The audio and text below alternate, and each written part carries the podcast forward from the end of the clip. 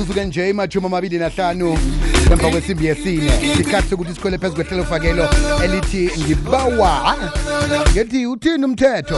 Wakhona emsebenzini right. Sokuthola ukuthi-ke uthini umthetho ngokuthi uh ubotshwe. Esinye isikhathi ugcina ugwetshiwe ungakafanele khona-ke uligwetha ujabani wakwamkhwanazi qobe ngelisibili ngalesi sikhathi. Vane umthetho noking b. Lotshe mkhwanazi nojabiziwe Eh siyathokoza ukuthola ithuba lokucoca nawe godu namhlanje si.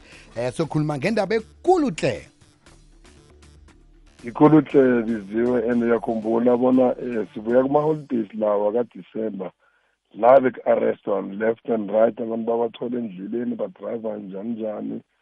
Eh abanye babuhicwa into ezinjengalezo abanye uthola ukuthi umuntu bamsulele bamnikele umlando ongasinge wakhe bam-arresta eh unlawfully wadetain wahlala. Imagina biziwe uza kuhlala eh from ngen 24 eh ikhoto la eku-recess khona uzakuphuma khona ngojanuwari ukuthi hlele amalanga engakhe ngaphakathi etronkweni nofana emaseleni ngiyo-ke siyiphetheko namhlanje. Unlawful arrest and unlawful detention.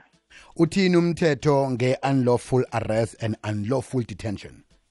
Biziwe ukubotshwa okungasisemthethweni eh nokubekwa ubekwe emaseleni kungasisemthethweni umthetho uthi nangabe kuyatholakala ukuthi awusumuntu onomlando nofana kutholakala ukuthi awunamlando umthetho uthi uyakhona ukusuwa nofana ukumangalela i-minister of police. Nangabe kuyenzeka mhlawumbe kesinye isikhathi um bekurakha ama-investigation and uprosecutor waraga waya phambili ngokuprosecutor kwakhe ukhona ukuclaima lento esibiza ukuthi i-malicious prosecution. Ukuthi ukuthi uyakhona umuntu ngokomthetho esinawo eSouth Africa ukuclaima for i-unlawful arrest and detention ngalento esibiza ukuthi i-malicious prosecution la utholakale khona ekhoto unganamlando kwesinye isikhathi biziwe gcina ingakafiki ekhoto msibakhiphe eh emaseleni lawo eh ngesikhathi esithize nofana laba abanjwa umthetho ukuthi kumele bakucharge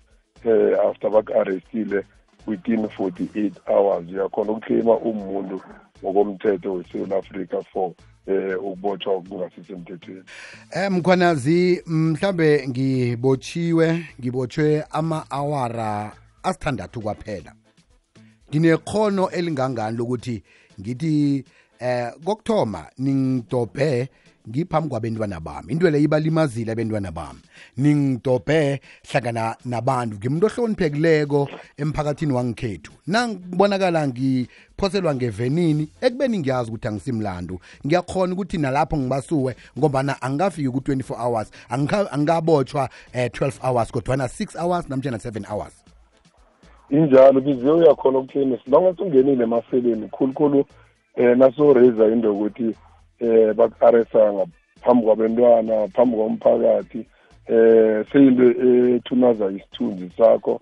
And ivela iyitroma kuwe njengomuntu othethweko ngaleso sikhathi. Uyakhona ukuthema i-six hours nofana i-twelve hours ovalelwe eh uyakhona uku-approach amaloyara azakhona ukuclaimela for i-unlawful arrest and detention. I-detention angithi nakho hleli ngaphakathi. And kesinye isikhathi nemberegweni nakho mosibiziwe bezwe ukuthi bowungene ngaphakathi bosemaseleni ungasabi umuntu osese-potential ukuthi mhlawumbe emberegweni bakuthathe serious.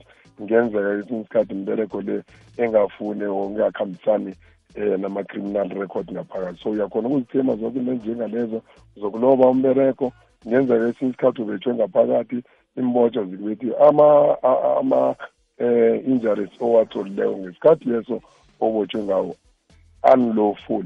Ukhona ukuclaima yonke into elethe ama-results ukuthi uthole into oyitholileko ngaphakathi emaseleni. Asitsheje amaphuzu aqakathekileko umlaleli afana wazi nge-unlawful arrest and detention.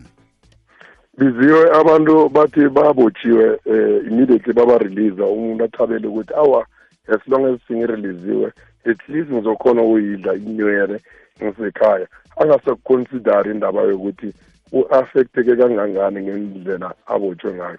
Ngaso sonke isikhathi umuntu eh akasuwe immediately. Bathi eh utholakala nganamlando nofana ubotshelwe into angasingiyo.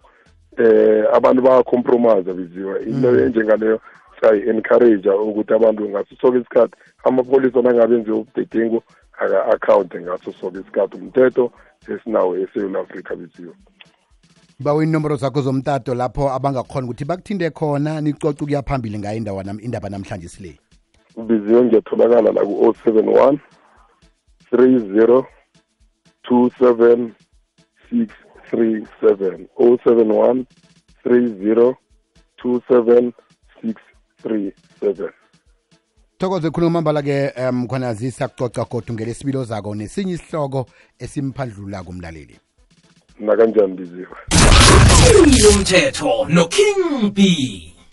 Ukuba semkhanyweni ukuba nelwazi ikwekwezi yafela kukhanya. Ba, ba, ba, ba.